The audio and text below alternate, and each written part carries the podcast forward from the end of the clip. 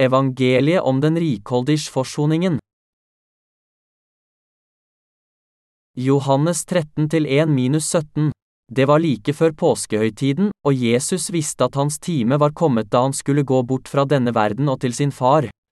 Han hadde elsket sine egne som var i verden, og han elsket dem helt til det siste. De holdt måltid. Djevelen hadde alt gitt Judas, sønn av Simon Iskariot, den tanken i hjertet at han skulle forråde ham. Jesus visste at far hadde gitt alt i hans hånd, og at han var utgått fra Gud og gikk til Gud. Da reiser han seg fra måltidet, legger av seg kapen, tar et linklede og binder det om seg. Så heller han vann i et fat og begynner å vaske disiplenes føtter og tørke dem med linkledet som han hadde rundt livet. Han kommer til Simon Peter. Peter sier, Herre, vasker du mine føtter? Jesus svarte, Det jeg gjør, forstår du ikke nå, men du skal forstå det siden. Aldri i evighet skal du vaske føttene mine, sier Peter. Hvis jeg ikke vasker deg, har du ingen del i meg, svarte Jesus. Da sier Peter, Herre, ikke bare føttene, men hendene og hodet også. Jesus sier til ham, Den som er badet, er helt ren og trenger bare å vaske føttene. Dere er rene, men ikke alle. For han visste hvem som skulle forråde ham. Derfor sa han, Dere er ikke alle rene. Da han hadde vasket føttene deres og tatt på seg kapen, tok han plass ved bordet igjen. Så sa han til dem, Forstår dere hva jeg har gjort for dere? Dere kaller meg mester og herre, og dere gjør det med rette, for jeg er det. Når jeg som er Herren og Mesteren, har vasket deres føtter, da skylder også dere å vaske hverandres føtter. Jeg har gitt dere et forbilde, slik jeg har gjort mot dere, skal også dere gjøre. Sannelig, sannelig, jeg sier dere, tjeneren er ikke større enn Herren sin, og utsendingen er ikke større enn han som har sendt ham. Nå vet dere dette, og salige er dere så sant dere også gjør det. Hvorfor vasket Jesus Peters føtter dagen før påskehøytiden? Like før han vasket føttene hans, sa Jesus, du ikke nå, men du skal forstå det siden. Peter var den beste av Jesu disipler. Han trodde at Jesus var Guds sønn og vitnet om at Jesus var Kristus. Når Jesus vasket føttene hans, må det ha vært en god grunn til at han gjorde det. Når Peter bekjente sin tro på at Jesus var Kristus, betydde det at han trodde at Jesus var frelseren som skulle frelse ham fra alle hans synder. Hvorfor vasket Jesus disiplenes føtter før han ble korsfestet? Fordi han ville at de skulle forstå hans fullkomne frelse. Hvorfor vasket han Peters føtter? Jesus visste at Peter snart ville fornekte ham tre ganger og at han ville fortsette å synde i fremtiden. Hvis Peter hadde hatt noe synd igjen i hjertet sitt etter at Jesus får opp til himmelen, ville han ikke ha kunnet forenes med Jesus. Men Jesus kjente alle disiplenes svakheter, og han ville ikke at syndene deres skulle komme mellom ham og disiplene. Derfor måtte han lære dem at alle deres misgjerninger allerede var vasket bort. Det var grunnen til at han vasket disiplenes føtter. Før Jesus døde og forlot dem, ville han forsikre seg om at det ville stå fast ved evangeliet om hans dåp og den fullstendige forlatelsen av alle deres livslange synder. Johannes 13 forteller om den fullkomne frelsen som Jesus hadde oppfylt for disiplene sine. Mens han vasket føttene deres, fortalte Jesus dem om visdommen i evangeliet om dåpen, som gjør at alle mennesker kan bli vasket fri fra sine overtredelser. La dere ikke lure av djevelen i fremtiden. Jeg har tatt bort alle syndene deres med min dåp i Jordanelven, og jeg skal ta straffen for dem på korset. Deretter skal jeg gjenoppstå fra de døde og fullbyrde frelsen ved å bli født på ny for dere alle. For å lære dere at jeg allerede har vasket bort selv deres fremtidige synder, for å lære dere det opprinnelige evangeliet om syndenes forlatelse, vasker jeg føttene deres før korsfestelsen. Dette er hemmeligheten bak evangeliet om å bli født på ny. Dere bør alle tro på dette. Vi bør alle forstå grunnen til at Jesus vasket disiplenes føtter og vite hvorfor han sa, det jeg gjør, forstår du ikke nå, men du skal forstå det siden. Først da kan vi tro på evangeliet om å bli født på ny og selv bli født på ny. Han sa i Johannes 13,12, Hva er syndene? Det er de syndene vi begår hver dag på grunn av vår svakhet. Før han døde på korset, spiste Jesus middag med disiplene sine og overbeviste dem om evangeliet om syndenes forlatelse ved å vaske føttene deres med sine egne hender. Jesus visste at far hadde gitt alt i hans hånd, og at han var utgått fra Gud og gikk til Gud. Da reiser han seg fra måltidet, legger av seg kapen, tar et linklede og binder det om seg. Så heller han vann i et fat og begynner å vaske disiplenes føtter og tørke dem med linkledet som han hadde rundt livet. Han kommer til Simon Peter. Peter sier, Herre, vasker du mine føtter? Jesus svarte, Det jeg gjør, forstår du ikke nå, men du skal forstå det siden. Johannes 13 3-7 Han lærte disiplene evangeliet om dåpen og forsoningen for syndene gjennom vannet i dåpen. Den gangen Peter var trofast mot Jesus, var han ikke i stand til å forstå hvorfor Jesus vasket føttene hans. Etter at Peter virkelig forsto hva Jesus hadde gjort for ham, endret hans tro på Jesus seg. Jesus ville lære ham om syndenes forlatelse, om evangeliet om vannet i dåpen.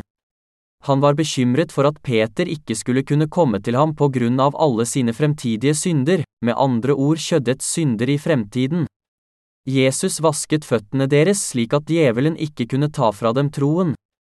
Senere forsto Peter hvorfor. Jesus banet vei for at enhver som trodde på hans dåpsvann og blod, kunne bli forløst fra sine synder for alltid.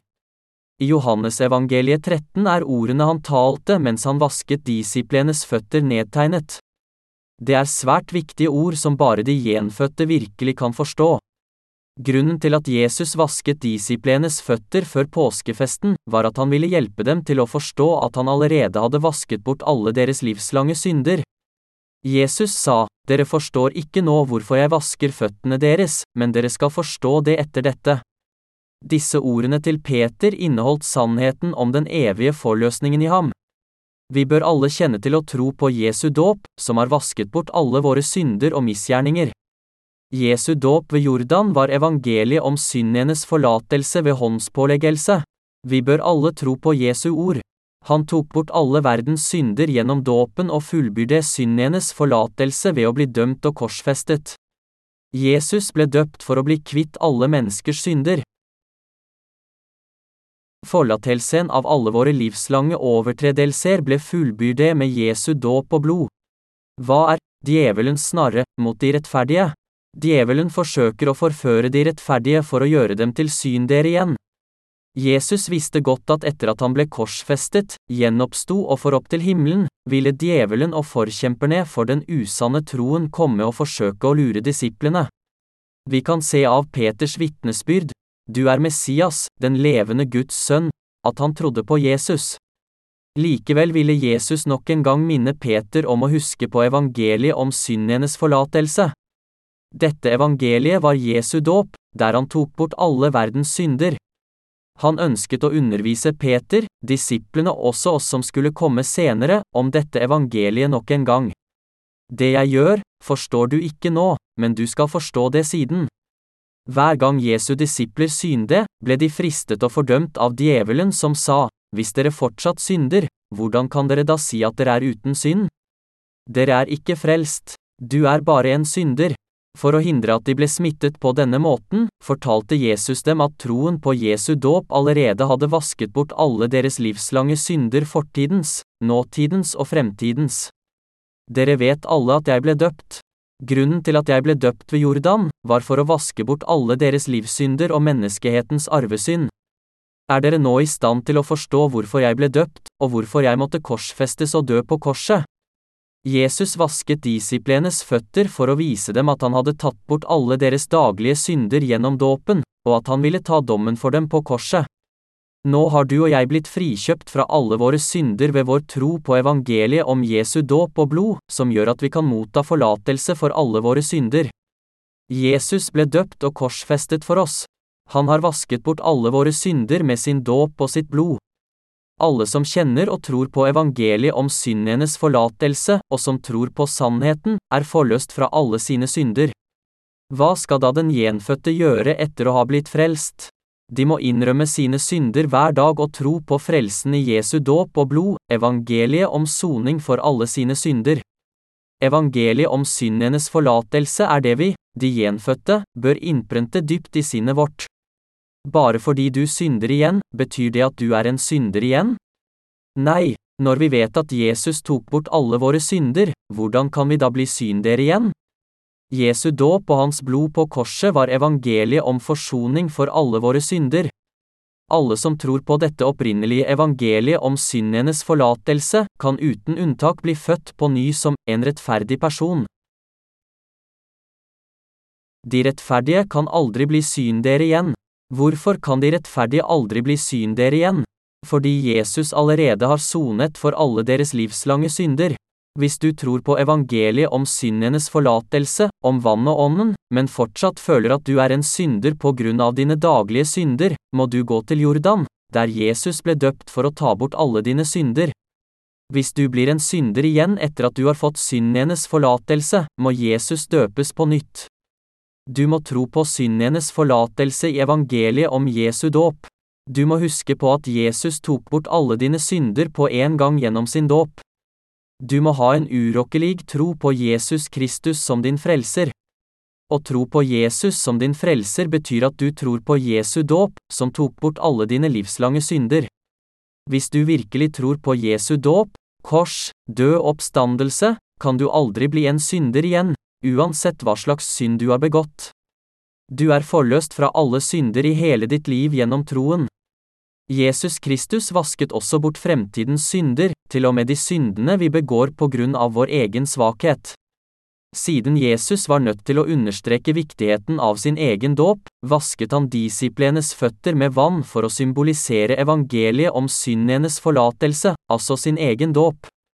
Jesus Kristus ble døpt, korsfestet, oppsto og steg opp til himmelen for å oppfylle Guds løfte om rikelig soning for alle verdens synder og for å frelse hele menneskeheten. Derfor kunne disiplene forkynne evangeliet om syndenes forlatelse, Jesu dåp, korset og oppsanktandelsen helt til de døde. Svakheten i Peters kjød, hvorfor fornektet Peter Jesus? Fordi han var svak. Bibelen forteller oss at da Peter ble konfrontert av ypperstepresten Kaifas, tjenere og beskyldt for å være en av Jesu tilhengere, nektet han to ganger og sa, Jeg kjenner ikke den mannen. Deretter bannet og sverget han for tredje gang. La oss lese avsnittet fra Matteus 26–69, imens satt Peter ute på gårdsplassen. En tjenestejente kom bort til ham og sa, Du var også med denne galileeren Jesus men han nektet i alles påhør og sa, Jeg skjønner ikke hva du snakker om.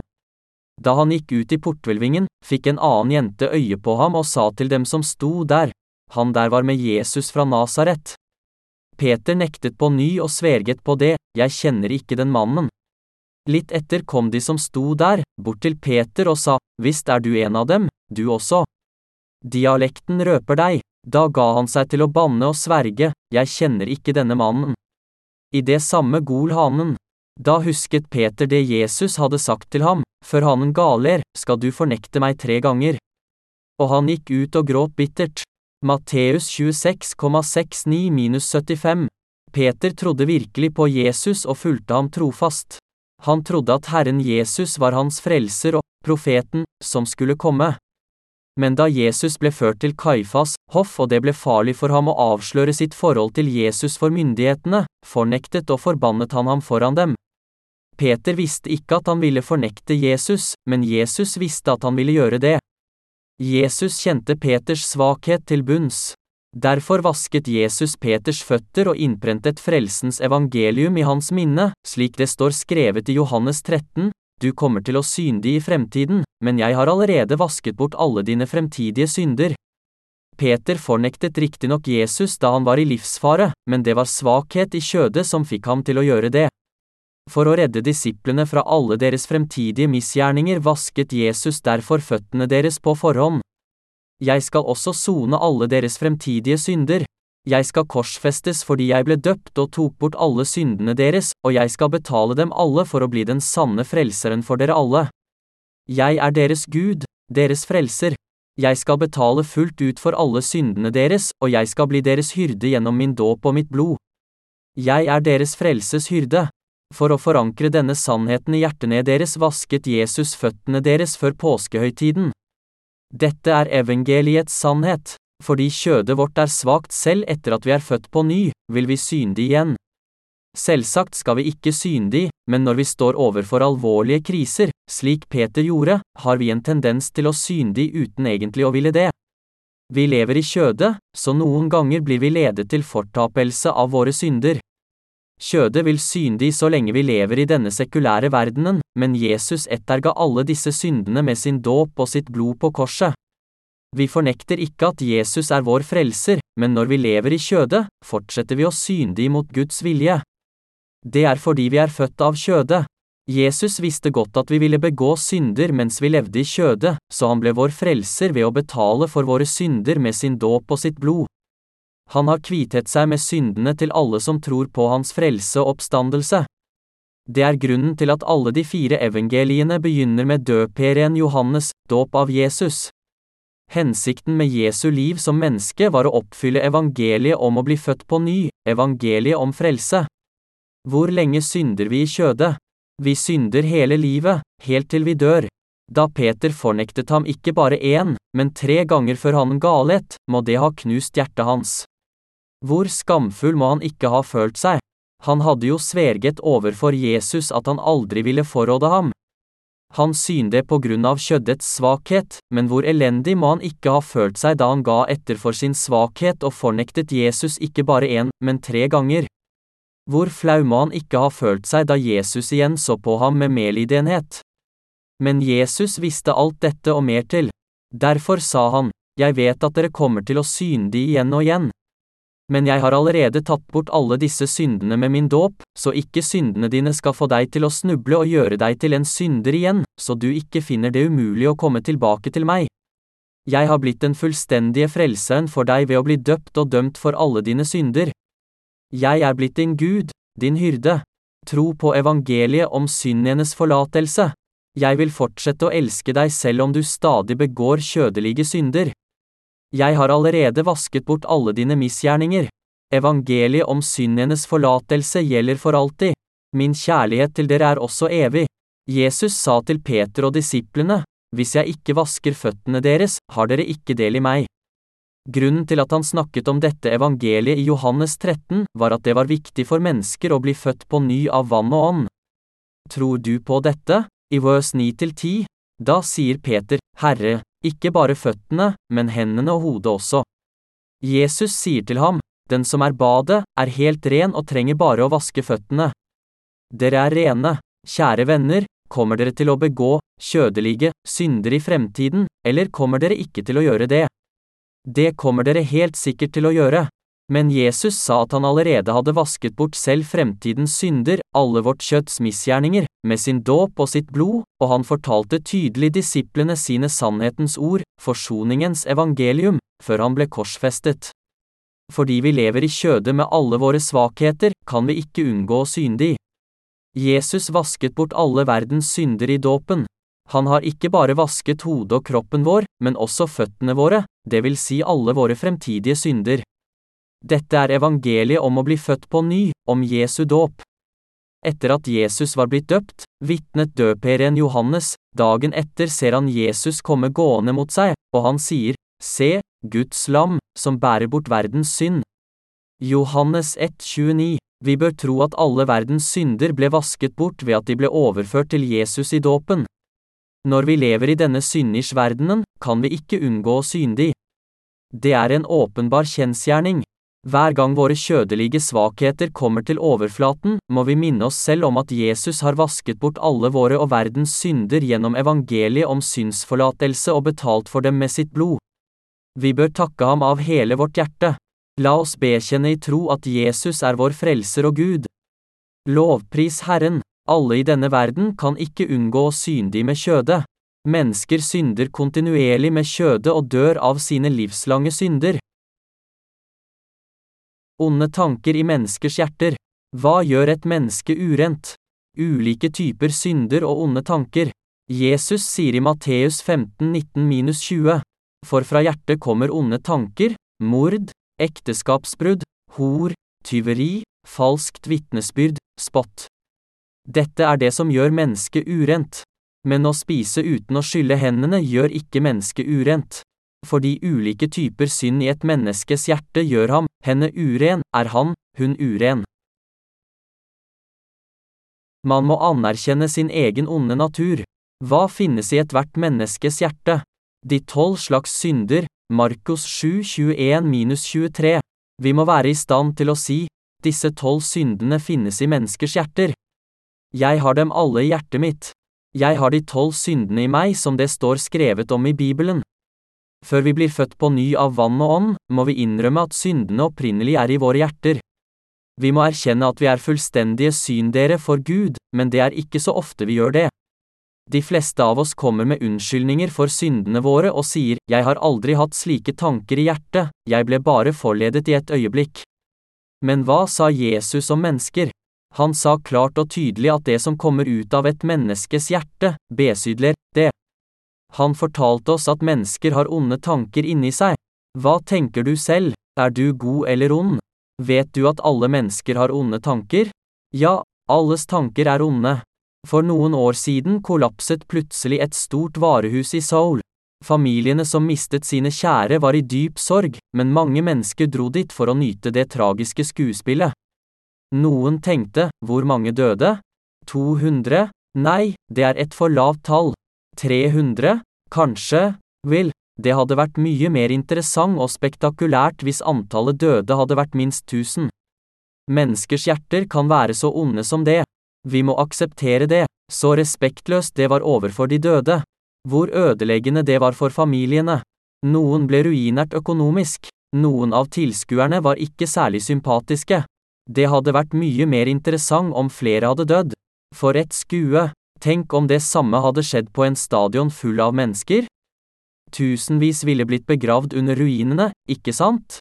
Jo da, det ville helt sikkert vært mye mer interessant enn dette. Kanskje noen hadde slike tanker.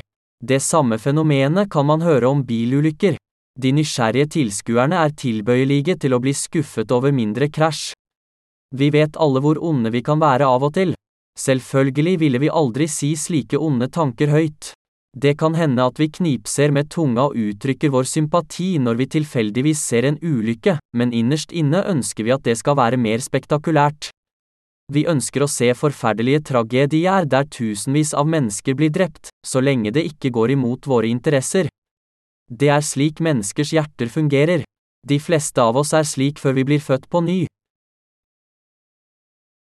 Mord i ethvert menneskes hjerte. Hvorfor synder vi? Fordi vi har onde tanker i hjertet. Gud har fortalt oss at det finnes mord i hjertene til alle mennesker. Men mange vil benekte det for Gud og si, hvordan kan du si det? Jeg har ingen morderiske tanker i hjertet mitt. Hvordan kan du i det hele tatt betrakte meg som en slik person? De vil aldri innrømme at de har mord i hjertet. De tror at mordere er av en annen rase enn dem. Den seriemorderen i nyhetene her om dagen, den gjengen som har myrdet og brent folk i kjellerne sine, det er de som har mord i hjertet. De er av en annen rase. Jeg kunne aldri bli som dem. De er skurker, mordere, de blir indignerte over forbryterne og roper, de som er født av onde frø, burde utslettes fra jordens overflate. De burde alle dømmes til døden. Men dessverre finnes tanken på drap både i hjertene til disse indignerte menneskene og i hjertene til seriemordere og drapsmenn. Gud forteller oss at det finnes mord i alle menneskers hjerter. Vi må akseptere Guds ord, som til og med ser det som er skjult i våre sinn. Derfor må vi innrømme, jeg er en synder med mord i hjertet. Ja, Gud har fortalt oss at det finnes onde tanker, inkludert mord, i hjertene til alle mennesker. La oss akseptere Guds ord. Etter hvert som generasjonene av mennesker blir mer og mer onde, blir alt slags personlig beskyttelsesutstyr til drapsredskaper. Dette er et resultat av drapet i våre hjerter. Du kan drepe i et anfall av sinne eller frykt. Jeg sier ikke at hver og en av oss faktisk vil drepe andre, men vi tenker på det i våre hjerter. Vi er alle født med onde tanker i hjertet. Noen ender faktisk opp med å drepe, ikke fordi de er spesielt født som mordere, men fordi vi alle er i stand til å bli mordere. Gud forteller oss at vi har onde tanker og mord i hjertet. Det er sannheten. Ingen av oss er unntak fra denne sannheten. Derfor er den riktige veien for oss å ta imot Guds ord og adlyde. Vi synder i denne verden fordi vi har onde tanker i hjertet. Utroskap i våre hjerter. Gud sier at det finnes utroskap i alle menneskers hjerter. Er du enig i det? Erkjenner du at du har utroskap i hjertet ditt? Ja, det finnes utroskap i alle menneskers hjerter. Det er derfor prostitusjon og andre seksuallovbrudd blomstrer i samfunnet vårt. Det er en av de sikreste måtene å tjene penger på i alle perioder av menneskehetens historie. Andre bransjer kan lide under økonomisk depresjon, men disse avskyelige bransjene lider ikke like mye fordi det bor utroskap i hvert eneste menneskes hjerte. Syn deres frukt er synd. Hva kan et menneske sammenlignes med? Treet som bare bærer syndens frukter. På samme måte som epletrærne bærer epler, pæretrærne pærer, dadeltrærne dadler og persimontrærne persimoner, kan vi som er født med de tolv slags synder i hjertet, ikke annet enn å bære syndens frukter. Jesus sier at det som kommer ut av et menneskes hjerte, gjør det urent. Er du enig? Vi kan bare si oss enige i Jesu ord og si, ja, vi er en gjeng syndere, ugjerningsmenn. Ja, du har rett, Herre. Ja, vi må innrømme vår ondskap. Vi må innrømme sannheten for oss selv foran Gud. På samme måte som Jesus Kristus adlød Guds vilje, må vi ta imot Guds ord og adlyde ham. Det er den eneste måten vi kan bli frelst fra alle våre synder gjennom vannet og ånden. Dette er Guds gaver. Landet mitt er velsignet med fire vakre årstider. Etter hvert som årstidene skrider frem, bærer ulike typer trær frukt. På samme måte har de tolv syndene i våre hjerter et grep om oss og fører oss stadig til synd. I dag kan det være drap som griper tak i hjertene våre, og i morgen kan det være utroskap. Neste dag kommer onde tanker, så hor, tyveri, falskt vitnesbyrd, osv. Vi synder hele året, hver måned, hver dag, hver time. Det går ikke en dag uten at vi begår en eller annen synd. Vi sverger til oss selv at vi ikke skal syndig, men vi kan ikke noe for det, for vi er født slik. Har du noen gang sett et epletre nekte å bære epler fordi det ikke ville? Jeg har ikke lyst til å bære epler. Selv om epletreet hadde bestemt seg for å nekte å bære frukt, hvorfor skulle det da ikke bære epler? Blomstene ville uunngåelig blomstre om våren, eplene ville vokse og modnes om sommeren, og frukten ville være klar til å plukkes og spises om høsten. Det er naturens bestemmelse, og syn deres liv må også følge den samme naturloven. Syn dere kan ikke unngå å bære syndens frukter. Jesu dåp og kors var en soning for våre synder. Hva menes med Jesu forsoning? Det er betalingen av syndens lønn ved Jesu dåp, håndspåleggelse og hans blod på korset. La oss lese et avsnitt fra Bibelen for å finne ut hvordan syn dere, de som har begått ugjerninger, kan sone sine synder for Gud og leve et lykkelig liv. Dette er evangeliet om soning for synder. I Tre Mosebok fire står det, det kan hende at en av folket synder av vannvare ved å gjøre noe et av Herrens bud forbyr, og slik fører skyld over seg, eller han blir gjort kjent med en synd han har gjort. Da skal han komme med en geit som offergave for synden han har gjort, et feilfritt hunndyr. Han skal legge hånden på hodet til syndofferdyret og slakte det på samme sted som brennofferdyret slaktes. Presten skal ta noe av blodet på fingeren og stryke det på hornene på brennofferalteret. Resten av blodet skal han helle ut ved foten av alteret. Alt fettet skal han ta til side, slik en gjør med fettet fra fredsofferet. Presten skal la det gå opp i røyk på alteret til en duft som er behagelig for Herren. Slik skal presten gjøre soning for ham, så han får tilgivelse.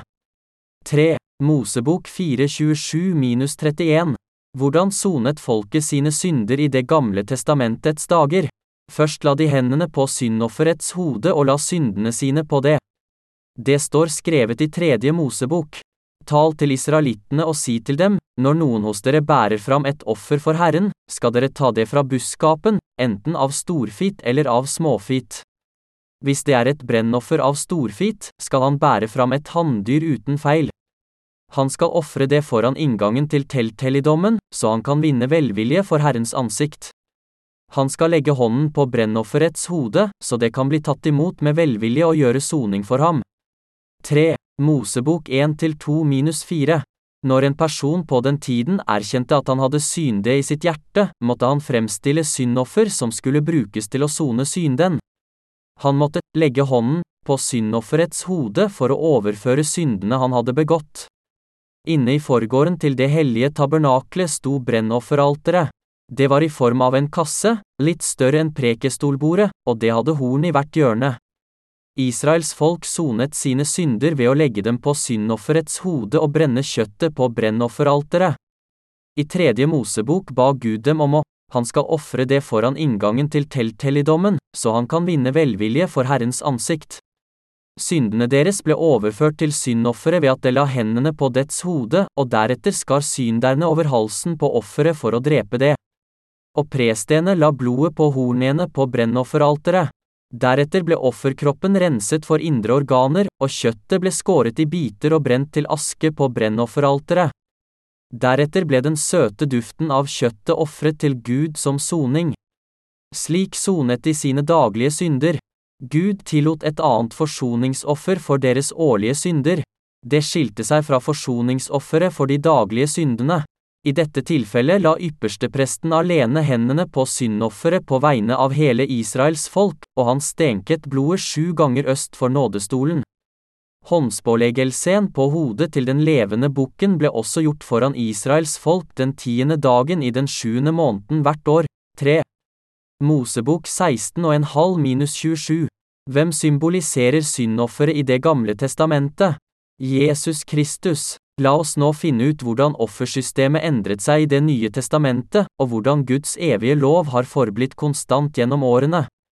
Hvorfor måtte Jesus dø på korset? Hva gjorde han galt på jorden som gjorde at Gud måtte la sin sønn dø på korset? Hvem tvang ham til å dø på korset? Da alle verdens syndere, det vil si oss alle, hadde falt i synd, kom Jesus til verden for å frelse oss. Han ble døpt av døperen Johannes ved Jordanelven og tok straffen på korset for alle synder på vegne av menneskeheten. Måten Jesus ble døpt på og måten han blødde på korset, lignet forsoningsofferet i Det gamle testamentet, håndspåleggelsen på syndofferet og utgaitelsen av dets blod. Det var slik det ble gjort i Det gamle testamentet. En synder la hånden på syndofferet og bekjente sine synder og sa, Herre, jeg har syndet. Jeg har begått mord og ekteskapsbrudd. Deretter ble syndene lagt på syndofferet. På samme måte som synderen skar over strupen på syndofferet og ofret det til Gud, ble Jesus ofret på samme måte for å sone alle våre synder. Jesus ble døpt og blødde på korset for å frelse oss og sonet alle våre synder gjennom sitt offer. Jesus døde faktisk på grunn av oss. Når vi tenker over det, hva var da meningen med å ofre de lytefrie dyrene for alle menneskenes synder? Hadde alle disse dyrene visst hva synd var? Dyr kjenner ikke til synd. Det måtte være uten lyte. På samme måte som disse dyrene var helt uten lyte, var også Jesus uten synd. Han er den hellige Gud, Guds sønn, og han har aldri syndet. Derfor tok han bort alle våre synder gjennom dåpen i Jordanelven da han var 30 år gammel. Jesus døde på korset på grunn av syndene han tok fra oss. Det var hans frelsesgjerning som vasket bort alle menneskehetens synder. Begynnelsen på evangeliet om soning for syndene våre. Hvorfor ble Jesus døpt av døperen Johannes i Jordan? For å oppfylle all rettferdighet. Det står skrevet i Matteus 3, da kom Jesus fra Galilea til Johannes ved Jordan for å bli døpt av ham. Men Johannes ville hindre ham og sa, Jeg trenger å bli døpt av deg, og så kommer du til meg. Jesus svarte, La det nå skje. Dette må vi gjøre for å oppfylle all rettferdighet. Da lot Johannes det skje, Matteus 3,13-15. Vi må vite og forstå hvorfor Jesus ble døpt da han var 30 år. Han ble døpt for å sone for alle menneskers synder og for å oppfylle all Guds rettferdighet. For å frelse alle mennesker fra deres synder, ble Jesus Kristus, han uten lyte, døpt av døperen Johannes. Dermed tok han bort verdens synder og ofret seg selv for å sone alle menneskers synder. For å bli frelst fra synden må vi kjenne hele sannheten og tro på den. Det er opp til oss å tro på Hans frelse og bli frelst. Hva betyr Jesu dåp? Det er det samme som håndspåleggelsen i Det gamle testamentet. I Det gamle testamentet ble hele folkets synder lagt på syndofferets hode ved at ypperstepresten la hendene på det. På samme måte tok Jesus i Det nye testamentet bort verdens synder ved å presentere seg selv som syndoffer og bli døpt av døperen Johannes. Døperen Johannes var det største mennesket blant alle mennesker, en representant for menneskeheten, utpekt av Gud. Som menneskehetens representant, menneskehetens ypperste prest, la han hendene på Jesus og overførte alle verdens synder på ham. Dåp betyr å gi videre til, å bli begravet og å bli vasket. Vet du hvorfor Jesus kom til verden og ble døpt av døperen Johannes? Tror du på Jesus, og kjenner du betydningen av hans dåp? Da Jesus ble døpt, var det for å ta bort alle våre synder, de syndene som vi, de onde, begår med vårt kjød gjennom hele livet. Døperen Johannes døpte Jesus for å oppfylle det opprinnelige evangeliet om soning for alle våre synder. I Matteus 3.13-17 begynner det med da, og det refererer til den gangen Jesus ble døpt, den gangen alle verdens synder ble lagt på ham. Så tok Jesus bort alle menneskehetens synder, døde på korset etter tre år og sto opp på den tredje dagen. For å vaske bort alle verdens synder ble han døpt en gang for alle, døde på korset en gang for alle og sto opp fra de døde en gang for alle. For dem som ønsker å bli frelst fra sine synder for Gud, tok han på seg all verdens synd og frelste dem en gang for alle. Hvorfor måtte Jesus døpes? Hvorfor måtte han ta på seg tårnekronen og bli dømt ved Pilatus, domstol som en vanlig forbryter? Hvorfor måtte han korsfestes og blø i hjel? Grunnen til alt dette er at han tok alle verdens synder, dine og mine synder, på seg gjennom dåpen. For våre synders skyld måtte han dø på korset. Vi må tro på frelsesordet om at Gud har frelst oss og være takknemlige overfor ham. Uten Jesu dåp, kors og oppstandelse ville det ikke vært noen frelse for oss. Da Jesus ble døpt av Johannes for å ta bort alle verdens synder, tok han bort våre synder og frelste dermed oss som tror på hans frelsende evangelium. Det finnes mennesker som tenker, Jesus tok vel bare bort arvesynden? Men de tar feil, det står klart og tydelig i Bibelen at Jesus tok bort alle verdens synder en gang for alle da han ble døpt. Alle våre synder, inkludert arvesynden, er vasket bort. Jesus sier i Matteus kvart over tre, la det nå skje. Dette må vi gjøre for å oppfylle all rettferdighet, og oppfylle all rettferdighet betyr at alle synder, uten unntak, er tatt bort fra oss. Har Jesus vasket bort alle våre livssynder også? Ja, det har han. La oss først finne beviset på det i tredje Mosebok. Der står det om ypperstepresten og offeret på forsoningsdagen. Forsoningsofferet for alle israelittenes årlige synder. Kunne israelittene bli heliget en gang for alle ved hjelp av et syndoffer fra denne jorden? Aldri. Aron skal føre fram den oksen som er syndoffer for ham selv, og gjøre soning for seg og sitt hus. Så skal han ta de to bukkene og stille dem fram for Herrens ansikt, i inngangen til telthelligdommen. Aron skal kaste lodd om bukkene, ett lodd for Herren og ett for Asasel. Den bukken som loddet for Herren faller på, skal Aron føre fram og lage til som syndoffer. Men den bukken som loddet for Asa selv faller på, skal stilles levende fram for Herrens ansikt. Ved den skal det gjøres soning når den sendes ut i ørkenen til Asa selv. 3. Mosebok 16 6-10 Her tok Aron to bukker ved døren til møteteltet for å sone for israelittenes årlige synder. Aron skal kaste lodd om bukkene, ett lodd for Herren og ett for Asasel.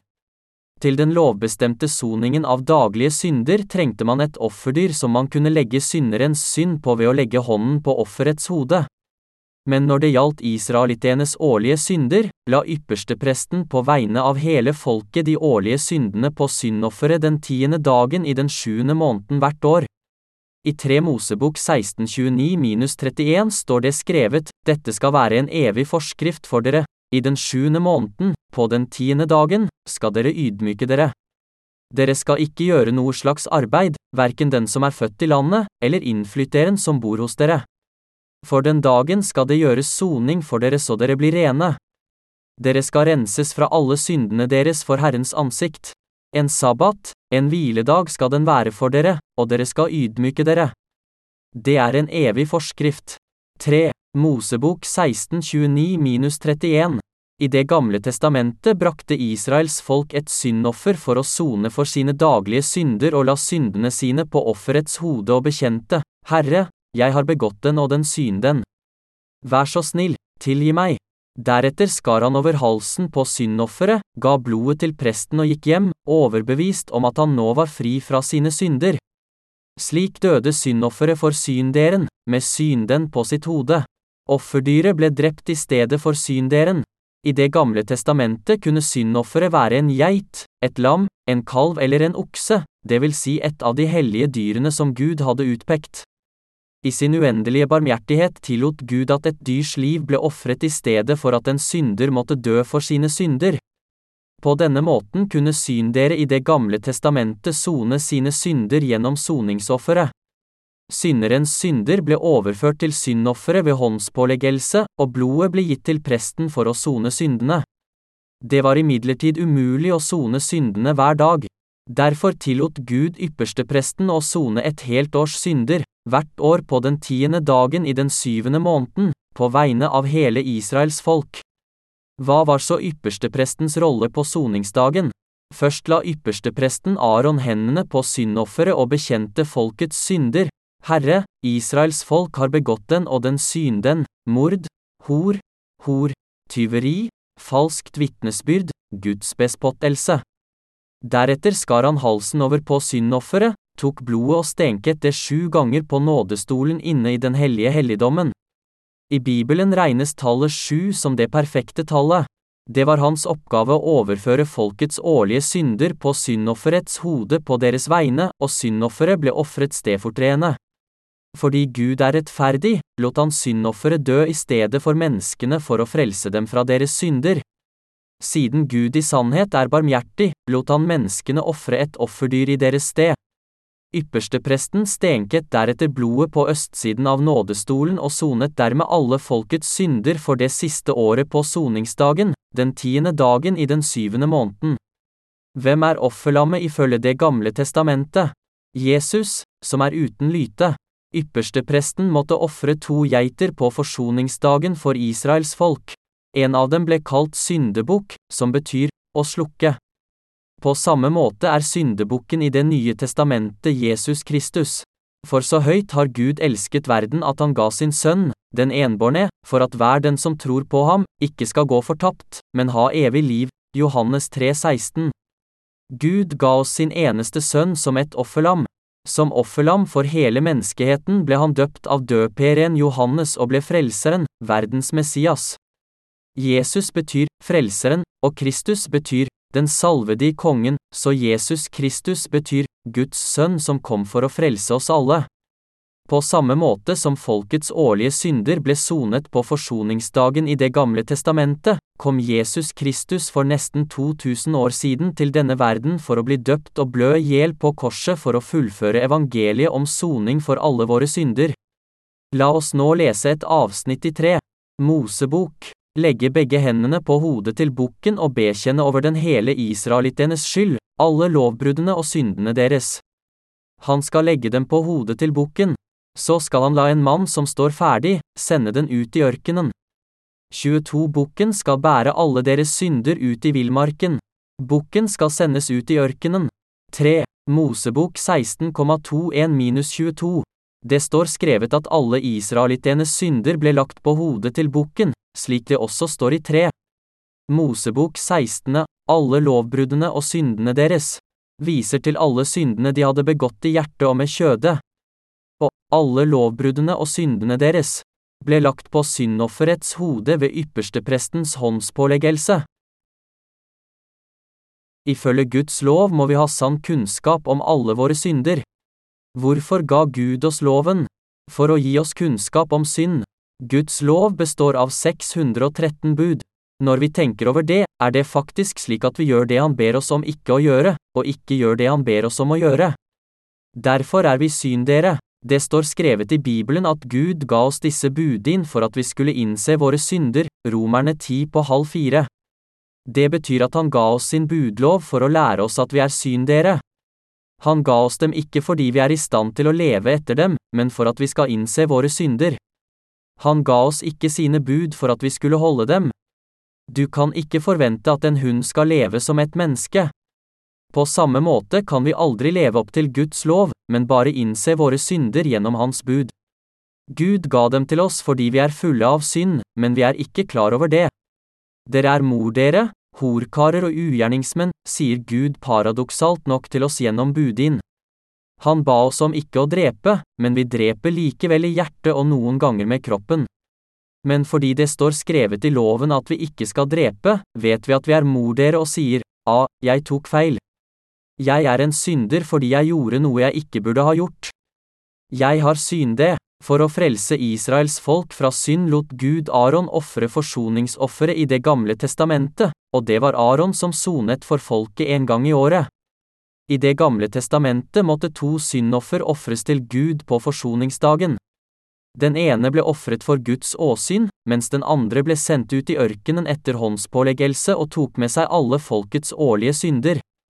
Før bukken ble sendt ut i ørkenen av en egnet mann, la ypperstepresten hendene på hodet til den levende bukken og bekjente Israels synder. Herre, folket har drept, drevet hor, stjålet, tilbedt avguder. Vi har synde for ditt åsyn. Landet Palestina er en øde ørken. Syndebukken ble sendt ut i den endeløse ørkenen og døde til slutt. Da den ble sendt bort, fortsatte Israels folk å se på den til den forsvant i det fjerne, og trodde at syndene deres var borte med syndebukken. Slik fikk folket fred i sinnet, og syndebukken døde i ørkenen for alle folkets årlige synder. På denne måten sonet Gud for alle våre synder gjennom Guds lam, Jesus Kristus. Alle våre synder ble fullstendig vasket bort gjennom Jesu dåp og hans blod på korset. Jesus er Gud og vår frelser. Han er Guds sønn som kom for å frelse hele menneskeheten fra synden. Han er skaperen som skapte oss i sitt bilde og kom til denne verden for å frelse oss fra synden. Ikke bare ble de daglige syndene vi begår med vårt kjød overført på Jesus, men også alle våre fremtidige synder og syndene i vårt sinn og kjød. Derfor måtte han døpes av døperen Johannes for å oppfylle hele Guds rettferdighet, den fullstendige forsoningen for alle verdens synder.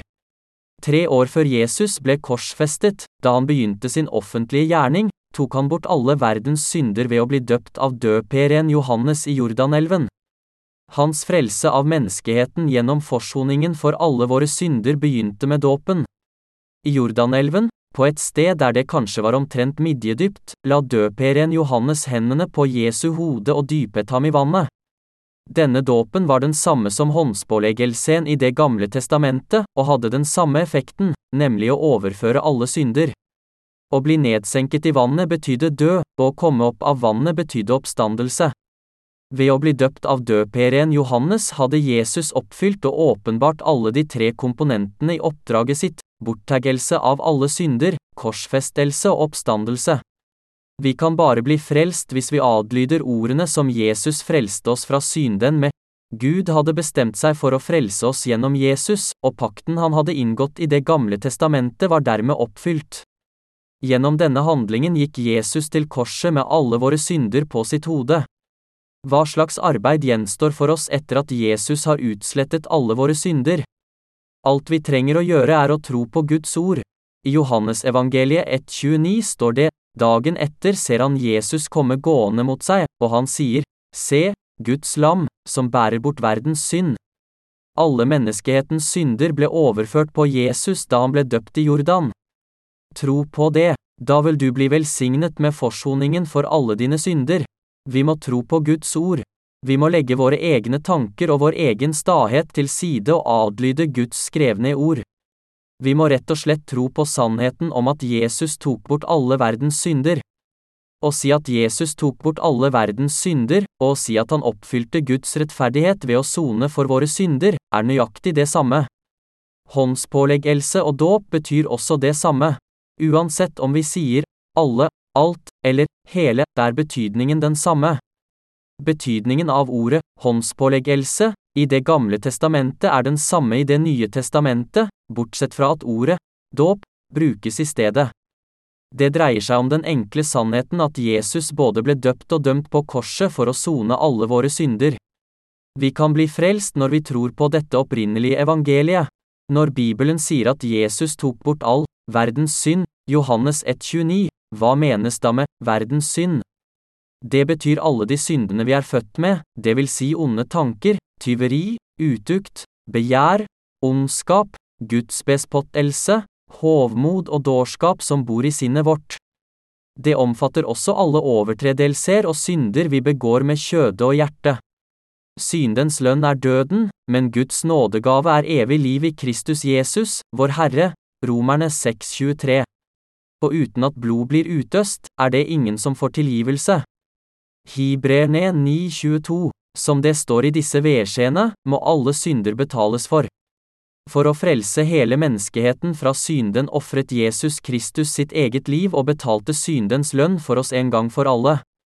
For å bli frigjort fra alle våre synder trenger vi derfor bare å tro på det opprinnelige evangeliet tre kvart Jesu dåp, hans blod og hans guddommelighet. Forsoningsofferet for morgendagens synder, trenger vi å ofre noe for syndene våre lenger? Aldri mer. Morgendagens og overmorgenens synder og de syndene vi begår frem til den dagen vi dør, er også en del av verdens synd, akkurat som dagens, gårsdagens og forgårsdagens synder også er en del av verdens synd. Menneskers synder fra fødsel til død er alle en del av verdens synd, og selve verdens synder ble absolutt overført på Jesus gjennom dåpen. Alle syndene vi kommer til å begå frem til den dagen vi dør, er allerede tatt fra oss. Vi trenger bare å tro på dette opprinnelige evangeliet, Guds skrevne ord, og adlyde sannheten for å bli frelst. Vi bør legge våre egne tanker til side for å bli frelst fra alle våre synder. Du spør kanskje, hvordan kan han ta bort synder som ennå ikke er begått?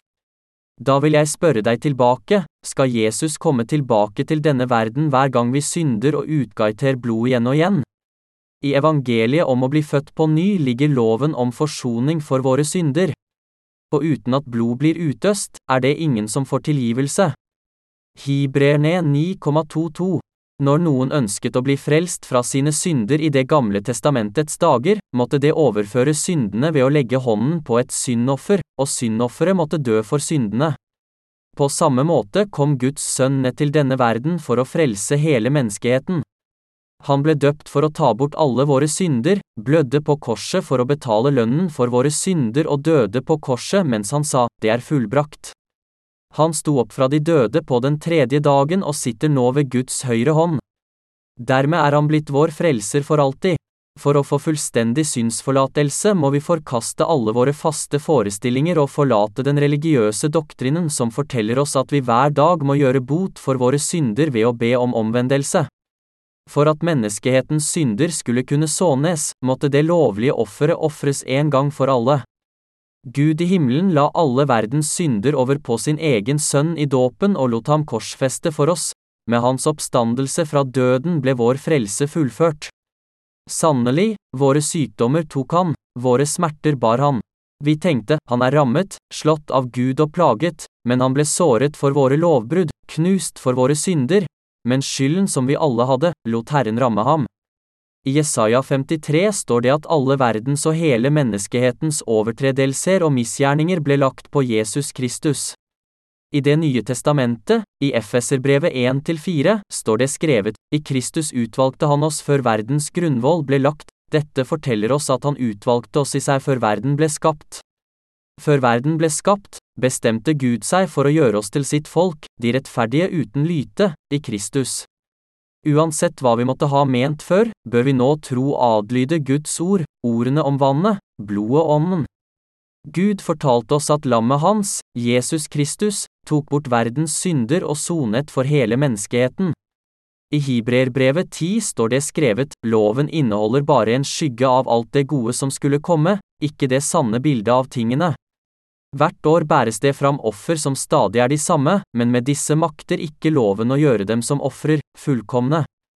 Hibrerne 10-1 Her står det at de samme ofrene som de ofrer år etter år, aldri kan gjøre dem fullkomne.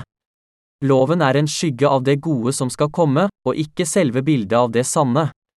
Jesus Kristus, Messias som skulle komme, gjorde oss fullkomne en gang for alle, akkurat som Israels årlige synder ble sonet en gang for alle, ved å bli døpt og korsfestet for å sone alle våre synder. Derfor sier Jesus i Hibreerbrevet 10, deretter sier han, Se, her kommer jeg for å gjøre din vilje. Han opphever det første for å la det andre gjelde. I kraft av denne viljen er vi blitt heliget ved at Jesu Kristi kropp ble båret fram som offer en gang for alle. Alle prester står daglig og gjør tjeneste og bærer gang på gang fram de samme ofrene, som aldri kan ta bort synder. Men Jesus har for alltid båret fram et eneste offer for synder og satt seg ved Guds høyre hånd. Nå venter han bare på at hans fiender skal bli lagt som skammel for føttene hans. For ved en eneste offergave har han for alltid gjort dem som helliges, fullkomne. Også Den hellige ånd vitner for oss om dette. For først sier han, Dette er pakten jeg vil slutte med dem i dager som kommer, sier Herren, jeg vil legge mine lovbud i deres hjerte og skrive dem i deres sinn. Også, jeg vil ikke lenger huske syndene deres og all deres urett. Men der det er tilgivelse for syndene, trengs det ikke lenger noe offer for synd. Hibrerne 10-9-18 Vi tror at Jesus har frelst oss fra alle verdens synder gjennom sin dåp og sitt blod på korset.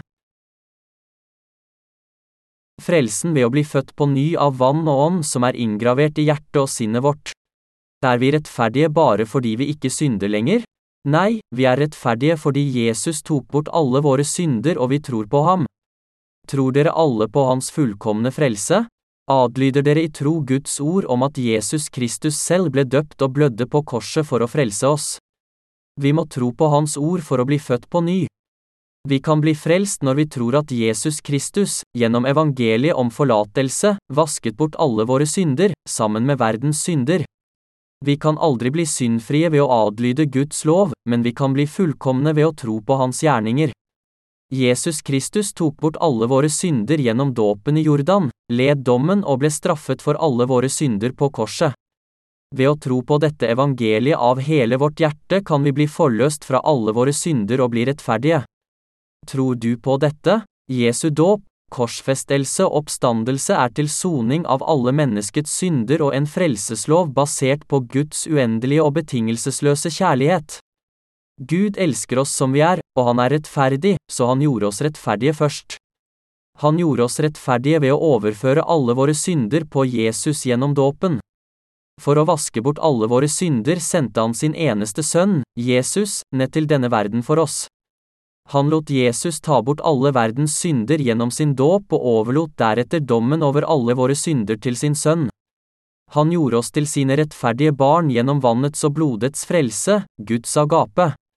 Det står skrevet i Hibreerbrevet 10,16, Jeg vil legge mine lovbud i deres hjerte og skrive dem i deres sinn. Er vi i våre hjerter og sinn syndere for Gud, eller er vi rettferdige? Hvis vi tror på Guds ord, blir vi rettferdige. Jesus Kristus tok bort alle våre synder og ble dømt for dem. Jesus Kristus er vår frelser. Du tenker kanskje, hvordan kan vi være rettferdige fordi vi synder hver dag? Vi er definitivt syndere, men når vi tror på Guds ord, slik Jesus Kristus adlød Faderen, blir vi rettferdige. Som jeg har sagt tidligere, hadde vi selvfølgelig synd i hjertet før vi ble født på ny. Etter at vi tok imot evangeliet om syndenes forlatelse i våre hjerter, ble vi frelst fra alle våre synder. Da vi ikke kjente evangeliet, var vi syndere, men vi ble rettferdige da vi begynte å tro på Jesu frelse og ble Guds rettferdige barn. Dette er troen på å bli rettferdig som apostelen Paulus snakket om. Troen på evangeliet om synsforlatelse gjorde oss til rettferdige. Verken apostelen Paulus, Abraham eller troens forfedre ble rettferdige ved sine gjerninger, men ved å tro på Guds ord, ordene om hans velsignelse om syndenes forlatelse. I Hibreerbrevet 10,18 står det, men der det er tilgivelse for syndene, trengs det ikke lenger noe offer for synd. Akkurat som det står skrevet, har Gud frelst oss for at vi skal slippe å dø for våre synder. Tror du på dette? Amen. I Filipperbrevet 2 står det, la samme sinnelag være i dere som også var i Kristus Jesus. Han var i Guds skikkelse og så det ikke som et rov å være Gud lik, men ga avkall på sitt eget, tok på seg tjenerskikkelse og ble menneske lik. Da han sto fram som menneske, fornedret han seg selv og ble lydig til døden, ja, døden på korset. Derfor har også Gud opphøyd ham til det høyeste og gitt ham navnet over alle navn. I Jesu navn skal derfor hvert kne bøye seg, i himmelen, på jorden og under jorden, og hver tunge skal bekjenne at Jesus Kristus er Herre, til Gud Faders ære. Filipperne 2-5-11 Jesus Kristus, som er utstrålingen av Hans herlighet og en nøyaktig gjengivelse av Hans vesen, Hibrerne 1,3, søkte ikke noe stort rykte for seg selv. I stedet tok han på seg en tjeners skikkelse og ble lik et menneske. Han ydmyket seg og ble lydig til døden for å frelse oss. Derfor lovpriser vi Jesus, han er vår Gud, frelseren og kongen. Grunnen til at vi priser Gud og lovpriser Jesus, er at Jesus adlød feidrens vilje til det siste. Hvis han ikke hadde adlyd, ville vi ikke ha lovprist Guds sønn nå. Men fordi Guds sønn adlød feidrens vilje helt til døden, vil hele skaperverket og alle mennesker på denne jorden ære ham, og det vil de gjøre i all evighet. Jesus Kristus ble Guds lam som tok bort verdens synder, og det står skrevet at han tok dem bort gjennom sin dåp. Nå har det gått omtrent 2000 år siden han tok bort verdens synder. Du og jeg har levd i denne verden fra vi ble født, og alle våre synder er også inkludert i verdens synder. Blir vi syndere hvis vi synder i morgen? Nei, for Jesus tok bort alle våre synder i fortiden, nåtiden og fremtiden uten å skille arvesynden fra våre egne livslange overtredelser, har vi ikke synde fra vi ble født. Jo, det har vi. Jesus visste at vi ville syndig fra den dagen vi ble født til den dagen vi dør, så han tok bort alle syndene våre på forhånd. Kan du se det for deg nå? Hvis vi skulle leve til vi ble 70 år, ville syndene våre fylle mer enn 100 lastebiler. Men Jesus tok bort alle syndene våre på en gang i dåpen og bar dem med seg til korset. Hvis Jesus bare hadde tatt bort arvesynden, ville vi alle ha dødd og havnet i helvete. Selv om vi følte at han ikke kunne ha tatt bort alle syndene våre, ville det aldri ha endret det faktum at Jesus hadde utslettet alle syndene våre. Hvor mye synd kan vi begå i denne verden? Alle syndene vi begår, er inkludert i verdens synder. Da Jesus ba Johannes om å døpe ham, var det akkurat det han mente. Jesus vitnet selv om at han hadde tatt bort alle våre synder, Gud sendte sin tjener foran Jesus og lot ham døpe Jesus. Ved å bli døpt av Johannes, menneskehetens representant, ved å senke hodet foran ham for å bli døpt, tok Jesus bort alle menneskehetens synder. Alle våre synder fra vi var 20 til 30 år, fra vi var 30 til 40 år, osv. Til og med våre barns synder var inkludert i verdens synder, som Jesus tok bort gjennom dåpen. Hvem kan si at det fortsatt finnes synd i denne verden? Jesus Kristus tok bort verdens synder, og vi kan alle bli frelst når vi i våre hjerter uten skygge av tvil tror på det Jesus gjorde for å sone våre synder, dåpen og utgaitelsen av sitt dyrebare blod. De fleste mennesker lever sine turbulente liv oppslukt av sine egne tanker og snakker om livet sitt som om det var så viktig. Men det er mange som har levd vanskeligere liv. Mange mennesker har levd turbulente liv. Jeg levde også et slikt liv før jeg ble født på ny. Hvordan kan du ikke forstå eller akseptere evangeliet om synsforlatelse, om Jesu dåp og hans blod? Frelsen for syn dere er fullendt. Hvorfor vasket Jesus Peters føtter? Fordi han ville at Peter skulle ha en sterk tro på at han allerede hadde vasket bort alle fremtidige synder gjennom dåpen. La oss lese Johannes 19. Han bar selv korset sitt og gikk ut til det stedet som heter Hodeskallen, på hebraisk Golgata. Der korsfestet de ham, og sammen med ham to andre, en på hver side og Jesus mellom dem. Pilatus hadde laget en innskrift og festet til korset. Den lød, Jesus fra Nasaret, jødenes konge. Siden stedet der Jesus ble korsfestet, lå nær byen, og innskriften var på hebraisk, latin og gresk, leste mange av jødene denne innskriften. Johannes 1917-20 Kjære venner, Jesus Kristus tok på seg alle verdens synder og ble dømt til å bli korsfestet ved Pilatus' domstol. La oss nå tenke over denne scenen sammen. Fra vers 28, Jesus visste nå at alt var fullbrakt, og for at Skriften skulle bli oppfylt, Jesus tok bort alle våre synder for å oppfylle Skriften. Og han sa, sa han, jeg tørster. Det sto et kar der med vineddik. De fylte en svamp med den, satte svampen på en isoppstilk og holdt den opp til munnen hans. Da Jesus hadde fått vineddiken, sa han, det er fullbrakt. Så bøyde han hodet og utåndet. Johannes 1928-30. Jesus sa, det er fullbrakt, og døde deretter på korset. På den tredje dagen sto han opp fra de døde og for opp til himmelen. Døperen Johannes, dåp og Jesu død på korset er uunnværlig forbundet med hverandre, det ene har ingen eksistensberettigelse uten det andre. La oss derfor lovprise Herren Jesus for at han har frelst oss med sitt evangelium om synsforlatelse. Menneskets kjød følger alltid kjøddets behov, så vi kan ikke annet enn å syndige med kjødet. Jesus Kristus ga oss sin dåp og sitt blod for å frelse oss fra kjøddets synder. Han frelste oss fra kjøddets synder med sitt evangelium. De som har fått fullstendig syndenes forlatelse, kan når som helst komme inn i himmelriket ved å tro på Jesus, som ble født i Betlehem, døpt i Jordan, døde på korset og sto opp på den tredje dagen. Vi priser Herren og ærer Hans navn i all evighet. I det siste kapitlet i Johannesevangeliet drar Jesus til Galilea etter at han har stått opp fra de døde. Han gikk til Peter og sa til ham, Simon, sønn av Johannes, elsker du meg mer enn disse? Peter svarte, Ja, Herre, du vet at jeg har deg kjær, da sa Jesus til ham, Føl lammene mine. Peter skjønte alt, evangeliet om Jesu dåp og hans blod, syndenes forlatelse. Nå som han trodde på evangeliet om vannet og blodet som ga ham syndenes forlatelse og skjønte hvorfor Jesus hadde vasket føttene hans, ble troen på Jesus mye sterkere. La oss lese Johannes kvart over ni igjen. Da de var ferdige med måltidet, sier Jesus til Simon Peter, Simon, sønn av Johannes, elsker du meg mer enn disse? Han svarte, Ja, Herre, du vet at jeg har deg kjær. Jesus sier til ham, Føl lammene mine. Han kunne betro lammene sine til Peter fordi Peter var hans disippel, som var blitt fullstendig frelst, og fordi Peter var blitt en rettferdig og fullkommen Guds tjener.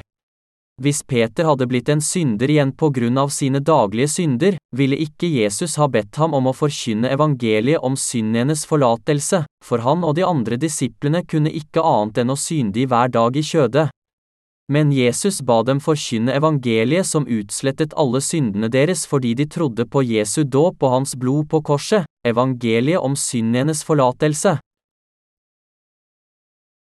Ja, Herre, du vet at jeg har deg kjær. Blir du en synder igjen når du synder igjen? Nei, Jesus har allerede tatt bort alle mine fremtidige synder ved Jordan. La oss tenke på Jesu ord til Peter. Simon, sønn av Johannes, elsker du meg mer enn disse? Ja, Herre, du vet at jeg har deg kjær. Hans kjærlighetsbekjennelse var sann, og den sprang ut av troen på evangeliet om forsoningen for alle synder. Hvis Jesus ikke hadde lært Peter og de andre disiplene evangeliet om syndenes forlatelse ved å vaske føttene deres, ville det ikke ha kunnet bekjenne sin kjærlighet på denne måten. Da Jesus kom til dem og spurte, Elsker du meg mer enn disse? Ville Peter i stedet ha sagt, Herre, jeg er bare en ufullstendig person. Ville Peter ha sagt, Herre, jeg er bare en ufullstendig person. Jeg er en synder som ikke kan elske deg mer enn disse tingene. Vær så snill å la meg være i fred. Og Peter ville ha løpt sin vei og gjemt seg for Jesus. Men la oss tenke på Peters svar. Han ble velsignet med evangeliet om syndenes forlatelse, Jesu dåp og hans blod som frelste hele menneskeheten. Derfor kunne Peter si, Ja, Herre, du vet at jeg har deg kjær. Denne kjærlighetsbekjennelsen var et resultat av hans tro på evangeliet om Jesus synsforlatelse. Peter trodde på det sanne evangeliet om syndenes forlatelse, der Jesus hadde tatt bort alle verdens synder. Dette inkluderte alle fremtidige synder som mennesker var dømt til å begå på grunn av sine mangler og kjødelige svakheter. Peter trodde fullt og fast på evangeliet om syndenes forlatelse, og fordi han også trodde at Jesus var Guds lam, kunne han svare Herren uten å nøle. Jesu frelse kom fra evangeliet om syndenes forlatelse, og dermed var Peter også frelst fra alle sine daglige synder. Peter trodde på frelse gjennom evangeliet om alle verdens synders forlatelse. Er du også som Peter? Kan du elske og stole på Jesus, som tok bort alle våre synder med sitt evangelium om syndenes forlatelse, med sin dåp og sitt blod? Hvordan kan du verken tro eller elske ham? Det finnes ingen annen vei. Hvis Jesus bare hadde tatt bort fortidens eller nåtidens synder og overlatt fremtidens synder til oss, ville vi ikke kunne lovprise ham slik vi gjør nå. I tillegg ville vi alle helt sikkert havnet i helvete. Derfor bør vi alle bekjenne at troen på evangeliet om syndenes forlatelse har frelst oss. Kjødet er alltid tilbøyelig til å syndig, så vi synder hele tiden. Derfor må vi bekjenne at vi er frelst ved å tro på evangeliet om den rike synsforlatelsen som Jesus har gitt oss, evangeliet om Jesu dåp og blod. Hvis vi ikke trodde på evangeliet om syndenes forlatelse, som er Jesu dåp og blod, ville ingen troende bli frelst fra sine livslange synder. Hvis vi i tillegg ble frelst fra alle våre livssynder ved å bekjenne og angre hver gang, ville vi sannsynligvis være for late til å holde oss rettferdige og alltid ha synd i hjertet. I så fall ville vi gå tilbake til å være syndere og ikke elske Jesus eller komme ham nær. Da ville vi heller ikke være i stand til å tro på Jesu frelse og følge ham livet ut.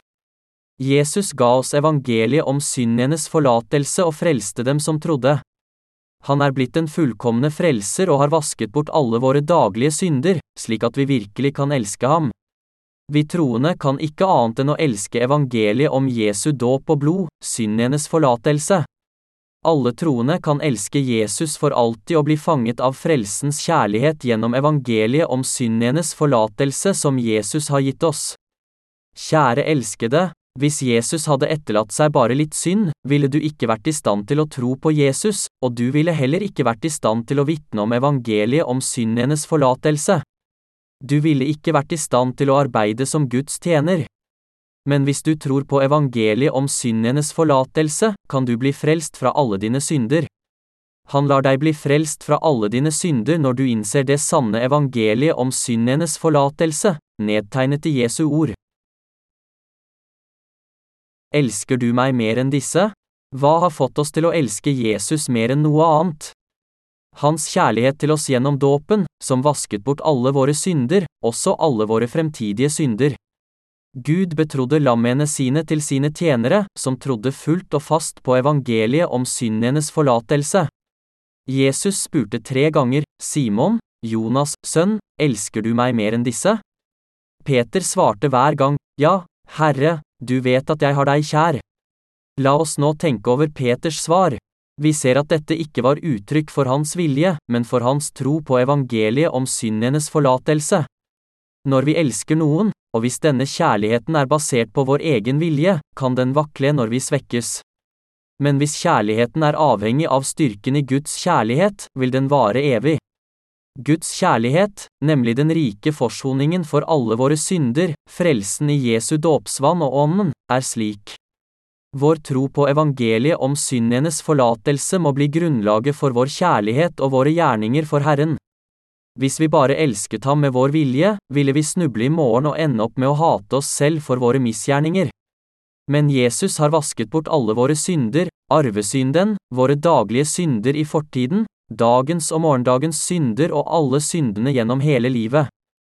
Han har ikke utelatt noen fra sin frelse. Alt dette er sant. Hvis vår kjærlighet og tro var avhengig av vår vilje og våre forsetter, ville vi mislykkes i vår tro.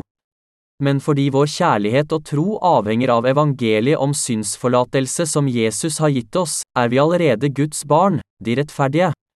Siden vi tror på vannets og åndens frelse, er vi uten synd på grunn av det faktum at vår frelse ikke kom fra vår egen gudsfrykt, men fra Guds kjærlighet og Hans lov om sann frelse ved syndenes forlatelse, er vi rettferdige uansett hvor ufullstendige eller svake vi er i livet.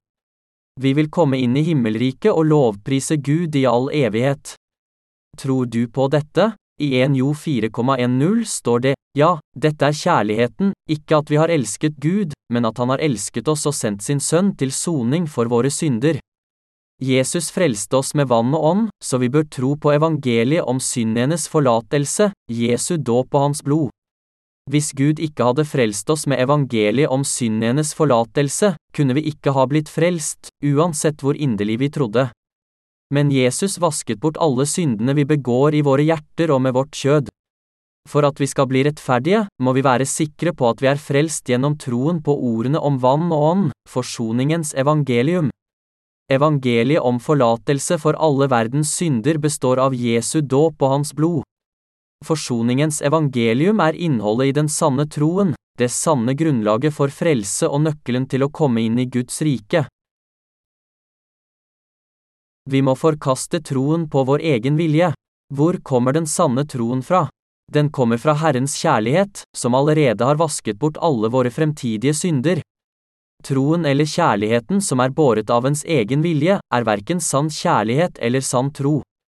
Det er mange i denne verden som først tror på Jesus med god vilje, men som senere gir opp troen på grunn av syndens smerte i hjertet. Men vi må innse at Jesus vasket bort alle verdens synder, ikke bare de ubetydelige misgjerningen, men også de store syndene som begås av uvitenhet. I Johannes 13 samlet Jesus disiplene sine før han ble korsfestet, for å lære dem hvor altomfattende og evig effektiv hans frelse var. Mens han spiste middag med disiplene, reiste han seg og vasket føttene deres for å innprente sannheten om sin rike frelse i hjertene deres. Vi bør alle kjenne til å tro på evangeliet om ettergivelse, som Jesus lærte disiplene ved å vaske føttene deres. Men Peter nektet først bestemt å la Jesus vaske føttene hans. Aldri i evighet skal du vaske føttene mine, og dette var uttrykk for en tro som var båret av hans egen vilje. Men Jesus sa til ham, Det jeg gjør, forstår du ikke nå, men du skal forstå det siden. Nå, med evangeliet om vann og ånd, kan vi forstå Bibelens ord som var hinsides vår fatteevne. Det er sannhetens ord, evangeliet om vann og ånd, syndenes forlatelse, som lar synderen bli rettferdig ved å tro av hele sitt hjerte. Peter dro ut for å fiske sammen med de andre disiplene, akkurat som de hadde gjort før de møtte Jesus. Så dukket Jesus opp foran dem og ropte på dem, Jesus hadde laget frokost til dem, og mens de spiste frokost, innså Peter betydningen av ordene Jesus hadde sagt tidligere. Det jeg gjør, forstår du ikke nå, men du skal forstå det siden. Nå hadde han endelig forstått hva Jesus egentlig mente med å vaske føttene hans. Herren vasket bort alle syndene mine. Alle synder jeg har begått på grunn av mine svakheter, inkludert alle synder jeg kommer til å begå i fremtiden også. Peter ga opp troen som var båret av hans egen vilje og besluttsomhet, og begynte å stå fast på Jesu dåp og blod, evangeliet om syndenes forlatelse. Etter frokosten spurte Jesus Peter, elsker du meg mer enn disse? Nå, styrket i troen på Jesu kjærlighet, bekjente Peter. Ja, Herre, du vet at jeg har deg kjær. Peter kunne svare fordi han hadde forstått hva Jesus mente da han sa, men du skal forstå det siden. Han var i stand til å bekjenne sin sanne tro, troen på Jesu dåp og blod, evangeliet om syndenes forlatelse. Etterpå ble han en sann Guds tjener. Etter denne opplevelsen forkynte Peter og de andre disiplene evangeliet til de døde. Til og med Paulus, som nådeløst forfulgte de kristne, vitnet om evangeliet i de harde dagene i Romerriket. Hvordan kan du bli en sann Guds tjener? ved å tro på hans evige forsoning for alle mine synder. Blant Jesu tolv disipler solgte Judas Jesus og hengte seg senere. Det var apostelen Paulus som tok hans plass. Disiplene hadde valgt Mattias blant seg, men det var Paulus som Gud valgte, så Paulus ble Jesu apostel og forkynte evangeliet om syndenes forlatelse sammen med de andre disiplene. De fleste av Jesu disipler døde som martyrer. Selv om de ble truet på livet, fornektet de ikke troen sin og fortsatte å forkynne det opprinnelige evangeliet. De kan ha forkynt slik, Jesus Kristus vasket bort alle dine synder med sin dåp og sitt blod, det vil si med sitt evangelium om syndenes forlatelse. Jesus tok bort syndene dine med sin dåp i Jordan og bar dommen for deg på korset. Tro på evangeliet om Jesu dåp og blod på korset, og bli frelst. Mange ble virkelig frelst av å høre det opprinnelige evangeliet og tro på det. Det var kraften i troen på evangeliet om Jesu dåp, hans blod og ånd. Disiplene forkynte evangeliet om vannet og ånden og sa, Jesus er Gud og Frelseren. Det er fordi de har vitnet om evangeliet om vann og ånd at du og jeg nå kan høre evangeliet om Jesu dåp og blod som vår frelse, og bli frelst fra synd. På grunn av Guds uendelige kjærlighet og Jesu fullkomne frelse er vi alle blitt Jesu disipler. Er dere alle troende? Jesus elsket oss så høyt at han ga oss evangeliet om vann og ånd, syndenes forlatelse, og vi er blitt Jesu rettferdige disipler. For å undervise om det sanne evangeliet om syndenes forlatelse vasket Jesus disiplenes føtter. Jesus vasket disiplenes føtter for å lære dem og oss at alle verdens synder, inkludert alle syndene vi begår gjennom livet, ble fullstendig vasket bort da han ble døpt og blødde på korset. Vi takker Jesus for hans kjærlighet og evangeliet om syndenes forlatelse. Jesus lærte oss to ting ved å vaske disiplenes føtter. For det første var det for å lære dem, akkurat som han hadde sagt, det jeg gjør, forstår du ikke nå, men du skal forstå det siden, at alle våre synder ble vasket bort ved evangeliet om syndenes forlatelse, Jesu dåp og hans blod. Den andre læren var at slik Jesus hadde senket seg ned for å frelse syndere og gjøre dem rettferdige, skulle vi, de gjenfødte, tjene andre ved å forkynne evangeliet om syndenes forlatelse. Det er riktig av oss som kom først, å tjene dem som kommer senere. De to grunnene til at Jesus vasket disiplenes føtter før påskefesten er tydelige, og de eksisterer fortsatt i hans kirke. En disippel kan aldri være høyere enn sin lærer. Derfor forkynner vi evangeliet for verden og tjener den som om vi tjente Jesus. Vi som allerede er frelst, skal tjene dem som kommer etter oss. For å lære dette, vasket Jesus disiplenes føtter. Ved å vaske Peters føtter viste han oss dessuten at han var den fullkomne frelseren, slik at vi aldri kan bli lurt av djevelen igjen. Dere kan alle bli frelst ved å tro på evangeliet om syndenes forlatelse, om vann og ånden. Jesus vasket bort alle våre synder med sin dåp, korsfestelse og oppstandelse. Bare de som tror på hans evangelium, kan bli frelst fra verdens synder for alltid. Tro på evangeliet som vasket bort alle våre daglige synder. Vi kan avskjære djevelens bedrag ved å tro på evangeliet om synsforlatelse, ordene om vann og ånd. Mennesket lar seg lett lure av djevelen, og djevelen hvisker dem stadig i ørene. Når vi vet at menneskers kjød ustanselig begår synder i verden, hvordan kan de da noensinne være uten synd? Alle mennesker er syndere. Vi kjenner imidlertid svaret. Når vi vet at Jesus i dåpen tok bort alle syndene i vårt kjød, hvordan kan en troende da ha synden i behold? Jesus har jo betalt hele syndens lønn, så hvilken lønn er det da igjen for oss å betale? Hvis vi ikke tror på evangeliet om vann og blod, virker djevelens ord rimelige. Men hvis vi har evangeliet på vår side, kan vi ha en urokkelig tro på sannheten i Guds ord. Vi må tro på evangeliet om å bli født på ny av vann og blod. Sann tro er å tro på evangeliet om Jesu dåp, hans blod på korset, hans død og hans oppstandelse. Har du noen gang sett et bilde av en modell av det hellige tabernaklet? Det er et lite telføss. Huset er delt i to deler, den ytre delen er det hellige sted og den indre delen er det aller helligste, der nådestolen er plassert. Det står til sammen 60 søyler i den ytre forgården til det hellige tabernaklet, og det hellige stedet har 48 tavler. Vi må se for oss det hellige tabernaklet i tankene for å forstå betydningen av Guds ord. Hva var porten til tabernaklets forgård laget av? Hva var porten til tabernaklets forgård laget av? Et nett vevd av blått, purpurfarget og skarlagenrødt garn og fin lintråd. Porten til tabernaklets forgård er beskrevet i to Mosebok 27,16. I porten til forgården skal det være et forheng på 20 alen av purpurblått, purpurrødt og karmosinrødt stoff og fint, tvinnelin, alt i farget vev. Det skal ha fire søyler og fire såkler. Materialene som ble brukt til porten til tabernaklets forgård, var blått, purpurfarget og skarlagenrødt garn og fin lintråd. Den var sørlig vevd og svært fargerik. Gud hadde beordret Moses til å veve porten fargerikt med blått, purpurfarget og skarlagenrødt garn, slik at det skulle være lett for alle å finne inngangen. Porten som var vevd av blått, purpurfarget og skarlagenrødt garn og fin lintråd, ble hengt opp på fire søyler. Disse fire materialene symboliserer Guds frelsesplan, der han ville frelse alle dem som trodde på hans sønn, gjennom Jesu dåp og blod, og på at han var Gud. Hvert av materialene som ble brukt til å bygge det hellige tabernaklet, har en spesifikk betydning og representerer Guds ord og hans planer om å frelse menneskeheten gjennom Jesus. Hvor mange forskjellige materialer ble brukt til porten til tabernaklets forgård? Det ble brukt fire forskjellige materialer, blått, purpur, skarlagenrødt garn og fin lintråd. Disse fire er svært viktige for å styrke vår tro på evangeliet om å bli født på ny. Hvis de ikke var viktige, ville ikke denne informasjonen vært nedtegnet så detaljert i Bibelen.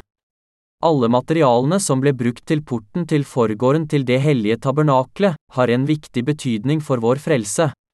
Derfor åpenbarte Gud disse tingene for Moses og ba ham gjøre nøyaktig som han fikk beskjed om. Hva betyr blått? purpurfarget og skarlagenrødt garn i Guds evangelium. Hva symboliserte alle materialene som ble brukt til tabernaklet? Jesu frelse gjennom sin dåp og sitt blod. Inne i tabernaklet ble det igjen brukt blått, purpurfarget og skarlagenrødt garn og fin lintråd til forhenget som ble hengt opp mellom det hellige og det aller helligste. De samme materialene ble brukt til kapene til ypperstepresten, som kunne gå inn i det aller helligste en gang i året. Blått garn symboliserer Jesu dåp. I 1. Peter 3,21 står det, dette er et bilde på dåpen, som nå frelser også dere. I dette vedsett bekrefter Peter at Jesu dåp, der han tok på seg alle verdens synder, er et motbilde på forsoningens frelse. Alle våre synder ble overført på Jesus gjennom hans dåp. Derfor er det blå garnet, Jesu dåp, den viktigste delen av frelsesordet. Skarlagenrødt garn symboliserer Jesu blod, og lilla garn symboliserer hans guddommelighet Jesus status som konge og Gud. De tre garnfargene var nødvendige for vår tro på Jesus og hans frelse. Yppersteprestens praktfulle ytterplagg ble kalt efoden, og efodens kjortel var også helt blå. Ypperstepresten bar en turban på hodet, og på den var det inngravert en plate av rent gull med påskriften HELLIGHET for Herren. Platen var også festet til turbanen med en blå snor. Sannheten som det blå garnet representerer. Hva symboliserer blått garn? Jesu dåp. Jeg slo opp betydningen av blått garn i Bibelen. Hva sier Bibelen om blått? Vi må forstå det blå garnet blant de blå, purpurfargede og skarlagenrøde garnene. Blått garn representerer vannet, det vil si Jesu dåp. Jesus Kristus ble døpt av døperen Johannes for å ta på seg alle verdens synder, Matteus 3,15. Hvis Jesus ikke hadde tatt bort alle verdens synder med sin dåp, kunne vi ikke ha blitt heliget for Gud. Derfor måtte Jesus Kristus komme til denne verden og bli døpt av døperen Johannes i Jordanelven for å ta bort alle verdens synder. Grunnen til at det måtte være blått garn i porten til det hellige tabernaklets forgård, var at vi ikke kunne bli helliggjort uten Jesu dåp. Skarlagenrødt garn representerer Jesu blod, Jesu død. Purpurfarget garn viser til Jesu guddom, og dermed til hans status som hersker, konjins konge og herrenes herre. 1. Timoteus kvart over seks. Sannheten er at skarlagenrødt garn symboliserer Kristi blod, som blødde på korset for å betale syndens lønn for hele menneskeheten. Jesus Kristus kom til denne verden i kjød for å ta alle menneskehetens synder på seg gjennom dåpen, og betalte hele syndens lønn ved å ofre seg selv på korset. Jesu dåp og blod er det sanne evangeliet om synsforlatelse som er profetert gjennom garnfargene som ble brukt til det hellige tabernaklet i Det gamle testamentet. Tabernaklets søyler var av akasitre, soklene var av bronse, og bronsesoklene var dekket med bånd av sølv. Alle syndere skulle dømmes for sine synder, for syndens lønn er døden. Før en person kunne bli velsignet av Gud og få et nytt liv, måtte han, hun i Det gamle testamentets dager ofre et offer for sine synder. Men Jesu dåp i Det nye testamentet, som er representert ved det blå garnet i det hellige tabernaklet, tok over alle våre synder. Jesus tok syndene våre til korset, blødde og ble dømt for dem, og på den måten frelste han alle oss som tror på evangeliet om syndenes forlatelse. Han er konjins konge og den hellige Gud. Kjære kristne, Jesu dåp var Jesu frelse, som frelste oss ved å ta på seg alle våre synder. Jesus, som er Gud, kom ned til verden i kjød, det lilla garnet, han ble døpt for å ta på seg alle verdens synder, det blå garnet, han ble korsfestet og blødde på korset for å ta imot dommen i stedet for oss, det skarlagenrøde garnet. Jesu dåp lærer oss utvilsomt at han var blitt den sanne frelseren for hele menneskeheten. Vi kan også se det i fargene som ble brukt til porten til det hellige tabernaklet. Å brodere portens klede med blått, purpurfarget og skarlagenrødt garn i fin lintråd var et tydelig budskap om Guds frelse. Den fine lintråden betyr her at han frelste oss alle uten unntak fra våre synder. Det var helt avgjørende for forsoningens frelse. Vi kan se av de samme materialene som ble brukt til porten til det hellige tabernaklet at Jesus Kristus ikke frelste oss syndere på måfå, uten planlegging. Han fulgte Guds nøye detaljerte plan, ble døpt, korsfestet og sto opp fra de døde for å fullføre frelsen av menneskeheten. Med blått, purpurfarget og skarlagenrødt garn, materialene i evangeliet om synsforlatelse, frelste Jesus alle som trodde på hans frelse. Bronsekaret i Det gamle testamentet var en skygge av dåpen i Det nye testamentet. Hvorfor vasket prestene hender og føtter før de gikk inn i helligdommen? Fordi det måtte stå foran Gud uten noen synd. Vasken var også laget av bronse. Bronse representerer dommen Jesus led for oss. Vannkaret symboliserte evangeliets ord, som forteller oss at alle våre misgjerninger ble vasket bort. Den viser oss hvordan de daglige syndene ble vasket bort. Alle menneskers daglige synder kan vaskes bort gjennom troen på ordene i Jesu dåp. Brenneofferalteret representerer dommen. Jesu vann, som er blått, er evangeliet om forsoning for synder, med andre ord Jesu dåp ved døperen Johannes, Matteus kvart over tre, 1. Johannes 5 til 5 minus 10. Det er et vitnesbyrd om evangeliet om frelse gjennom forsoning. I 1. Johannes 5 står det skrevet, og det som har seiret over verden, er vår tro. For det er tre som vitner, ånden, vannet og blodet, og disse tre samstemmer. Han sier også at den som tror på Guds sønn, har vannets, blodets og åndens vitnesbyrd i seg. Gud tillot oss å bli heliget gjennom troen på forsoningens evangelium og å gå inn i det hellige tabernaklet. Derfor kan vi nå leve i tro, bli næret av Guds ord, bli velsignet av ham og leve de rettferdiges liv. Å bli Guds folk betyr å bli frelst gjennom troen på forsoningens evangelium og å bo i det hellige tabernaklet. I dag er det mange som sier at det er nok å tro uten å tenke over hva det blå, purpurfargede og skarlagenrøde garnet på porten til det hellige tabernakel betyr.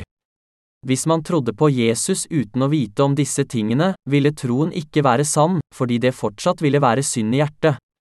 En slik person ville fortsatt ha synd i hjertet fordi han, hun ikke trodde på sannheten om å bli født på ny gjennom forsoningens evangelium om vannet, blodet og ånden. Hvis man blir bedt om å vurdere en person man knapt kjenner, og hvis man for å glede lytteren sier, ja, jeg tror på denne personen. Jeg har riktignok aldri møtt ham, men jeg tror ham likevel, tror du lytteren ville bli glad for å høre det? Kanskje noen av dere ville oppføre dere slik i menneskelig anliggende, men det er ikke den typen tillit Gud ønsker av oss. Gud vil at vi skal tro på evangeliet om syndenes forlatelse, Jesu frelse gjennom blått, Jesu dåp, lilla, Jesu guddom, og skarlagenrødt, Jesu blod, garn. Før vi tror på Jesus, bør vi vite hvordan han frelste oss fra all synd. Når vi tror på Jesus, skal vi vite hvordan han frelste oss fra alle våre synder gjennom vannet, Jesu dåp, blodet, hans død, og ånden, at Jesus er Gud. Når vi virkelig forstår dette, kan vi oppleve en sann og fullstendig tro. Troen vår ville aldri være fullstendig uten å kjenne denne sannheten. Sann tro kommer bare ved å forstå vitnesbyrdet om Jesu frelse, evangeliet om tilgivelse og at Jesus er menneskehetens sanne frelser. Hvordan ser da den troen ut som gjør narr av Jesus? La oss se. Den troen som gjør narr av Jesus. Hva er det viktigste for troen? Nøyaktig kunnskap om Jesu dåp. Du må innse at å tro på Jesus vilkårlig er å gjøre narr av ham. Hvis du tenker, jeg synes det er vanskelig å tro, men siden han er Gud og Guds sønn, må jeg jo tro på ham uansett, gjør du narr av Jesus. Hvis du virkelig ønsker å bli født på ny, må du tro på Jesu dåp og blod, forsoningens evangelium. Å tro på Jesus uten å kjenne til forsoningens evangelium er verre enn ikke å tro på Jesus i det hele tatt. Å forkynne evangeliet om Jesu blod er å arbeide forgjeves uten å kjenne sannheten. Jesus vil ikke at noen skal gå rundt og forkynne at de tror på ham vilkårlig, eller at de tror på ham uten grunn. Han vil at vi skal tro på ham gjennom å kjenne forsoningens evangelium. Når vi tror på Jesus, må vi innrømme at forsoningens evangelium er Jesu dåp og blod. Når vi tror på Jesus, må vi forstå forsoningens evangelium gjennom hans ord og vite konkret hvordan han vasket bort alle våre synder. Vi må også vite hva det blå, purpurfargede og skarlagenrøde garnet på porten til det hellige tabernaklet betyr. Da kan vi få den sanne troen som varer evig. Vi kan aldri bli født på ny uten å tro på Jesus, realiseringen av blått, lilla og skarlagenrødt garn. Hva gjorde prestene før de gikk inn i det aller helligste? De vasket hender og føtter med vann fra bronsekaret. Vår Herre Jesus frelste oss. Vi kan ikke annet enn å prise Herren når vi ser hvor fullkomment Han har frelst oss. Vi bør se på det hellige tabernaklet. Han ga oss forsoningsevangeliets ord gjennom det blå, purpurfargede og skarlagenrøde garnet i det hellige tabernaklet og frelste oss med dem. Vi takker og lovpriser Herren. Syn dere kunne ikke komme inn i helligdommen uten å gjennomgå en forferdelig dom. Hvordan kan man gå inn i helligdommen uten å bli dømt for sine synder? Det ville være umulig. Hvis en slik person gikk inn på det forbudte stedet, ville han, hun bli drept der og da. Det ville være en alvorlig fordømmelse. En synder kan aldri gå inn på det hellige sted og forvente å leve. Herren frelste oss gjennom hemmeligheten som var skjult i porten til det hellige tabernaklet. Med blått, purpurfarget og skarlagenrødt garn og fin lintråd frelste han oss. Han fortalte oss hemmeligheten bak sin frelse gjennom disse tingene. Ble du og jeg frelst på den måten? Hvis vi ikke tror på ordene i det blå, purpurfargede og skarlagenrøde garnet, kan vi ikke bli frelst gjennom forsoningsevangeliet. Fargen blå representerer ikke Gud, den symboliserer ingen annen enn Jesu dåp. Det er Jesu dåp som tok bort alle våre synder. Man kan komme helt frem til brennofferalteret uten å tro på det blå garnet. Men man kan ikke komme inn på det hellige stedet der Gud bor. Derfor må vi tro på det blå garnet, Jesu dåp, det skarlagenrøde garnet, Jesu blod på korset, og det purpurfargede garnet, at Jesus er Gud og Guds sønn, før vi kan gå inn porten til det aller helligste. Først når vi tror, blir vi godtatt av Gud og får lov til å gå inn gjennom forhenget til det aller helligste. Noen går inn i tabernaklets ytre forgård og tror at de er innenfor. Men dette er ikke frelse. Hvor langt må vi gå for å bli frelst? Vi må være i stand til å gå inn i det aller helligste. For å komme inn i det aller helligste må vi passere bronsebassenget. Bronsebassenget representerer Jesu dåp, og vi må vaske bort alle våre daglige synder med Jesu dåp og bli helliggjort for å komme inn i det aller helligste.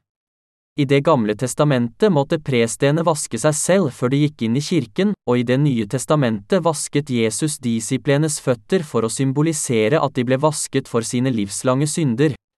Guds lov sier, syndens lønn er døden, men Guds nådegave er evig liv i Kristus Jesus, vår Herre. Romerne 6,23 Gud dømmer menneskets synder uten unntak, men han overførte dem på sin sønn og dømte ham i stedet. Dette er Guds kjærlighet, hans frelse. Sann frelse får vi først når vi tror på forsoningsevangeliet som inneholder Jesu dåp, blod, død og oppstandelse. For å bli født på ny må man aldri forakte den bibelske sannheten, evangeliet om syndenes forlatelse. Hva er det eneste som gjenstår for oss? Det er å tro på evangeliet, Guds skrevne ord. Jeg håner aldri andre mennesker. Når noen snakker om noe jeg ikke kjenner til, ber jeg dem høflig om å forklare det for meg. Men da jeg spurte rundt om hva det hellige tabernaklet innebærer, var det ingen som kunne fortelle meg det. Hva kunne jeg gjøre da? Jeg måtte gå tilbake til Bibelen. Hvor i Bibelen omtales det hellige tabernaklet? Det er beskrevet i detalj i to. Mosebok. Hvis man leser denne boken nøye, kan man forstå dens betydning gjennom Guds skrevne ord. Kjære venner, du kan ikke bli frelst ved å tro på Jesus uten videre. Du kan ikke bli født på ny bare ved å gå regelmessig i kirken. Vi vet hva Jesus sa til Nikodemus. Sannelig, sannelig, jeg sier deg, den som ikke blir født av vann og ånd, kan ikke komme inn i Guds rike. Du er en lærer for Israel og vet ikke det. Johannes 3-5. 10. Alle som tror på Jesus, må tro på det blå garnet, alle verdens synder ble overført på Jesus da han ble døpt, det skarlagenrøde garnet, Jesu død for alle våre synder, og det lilla garnet, Jesus er frelseren, Gud og Guds sønn. Vi må tro at Jesus er frelseren for alle verdens syndere. Uten denne troen kan man aldri bli født på ny, og man kan heller ikke komme inn i Guds rike. Uten denne troen kan man ikke engang leve trofast i denne verden. Ville det ikke vært så enkelt om man kunne bli født på ny bare ved å tro på Jesus? Ja, du er blitt frelst. Jeg er frelst. Vi er alle blitt frelst. Så fint. Men det er så mange som tror på Jesus uten å være virkelig født på ny. Vi må både kjenne sannheten i Bibelen og tro på Jesus. Vi må forstå Bibelens evangelium om syndenes forlatelse og betydningen av det blå, purpurfargede og skarlagenrøde garnet for å kunne gå inn i det hellige tabernaklet og være sammen med Gud i troens rike. Inne i troens tabernakel kan vi leve lykkelig frem til den dagen Jesus kommer igjen for å hente oss til sitt rike.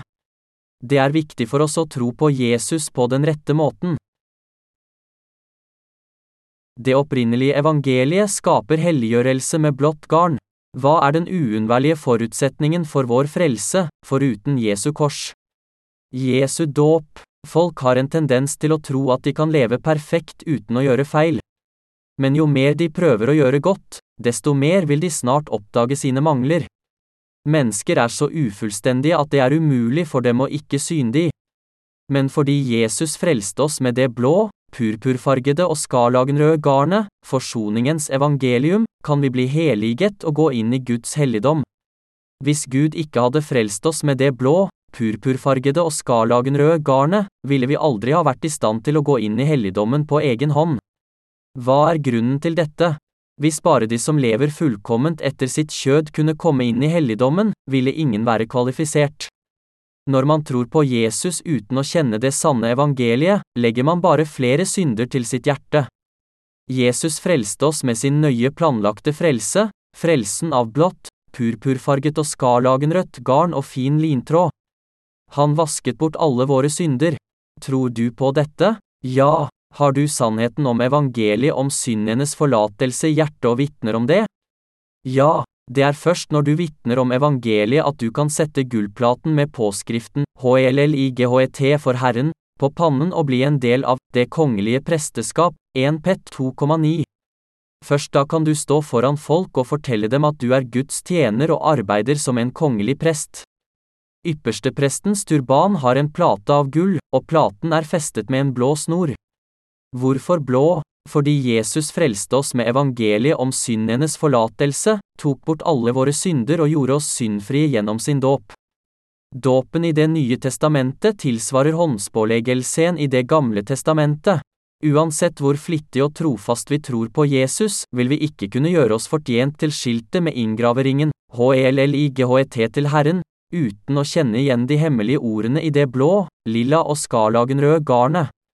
Hvordan ble vi rettferdige? Det står skrevet i Matteus kvart over tre, dette må vi gjøre for å oppfylle all rettferdighet. Jesus ble døpt og frelste oss fra alle verdens synder. Gjennom dåpen tok han bort alle våre synder, og vi troende er blitt rettferdige. Hvordan kan vi si at vi er uten synd hvis vi ikke hadde blitt døpt av Jesus? Selv om vi trodde på Jesus og gråt og tenkte på hans død på korset, kunne ikke alle tårer i verden vaske bort alle syndene våre. Nei, uansett hvor mye vi gråt og angret, ville syndene våre ha blitt værende i oss. Siden han tok bort alle våre synder med sin dåp og sitt blod, lot Herren alle synder fra oss syndere bli overført til Jesus, og fordi frelsesordet er nedtegnet i Bibelen, er vi blitt rettferdige gjennom vår tro, til tross for alle våre misgjerninger og svakheter. Derfor kan vi nå stå foran Gud. Vi kan nå leve som rettferdige og forkynne evangeliet for verden. Jeg er blitt frelst. Du er blitt frelst. Vi har alle blitt frelst. Vi er blitt frelst i henhold til Guds barmhjertige plan. Uten forsoningsevangeliets ord i hjertet finnes det ingen frelse, uansett hvor hardt du prøver. Det kan sammenlignes med en koreansk populær sang om ulykkelig kjærlighet. Og, hjertet mitt slår raskt uten grunn hver gang jeg ser henne, hver gang jeg er i nærheten av henne. Jeg må være ulykkelig forelsket. Hjertet mitt slår raskt, men ikke hennes.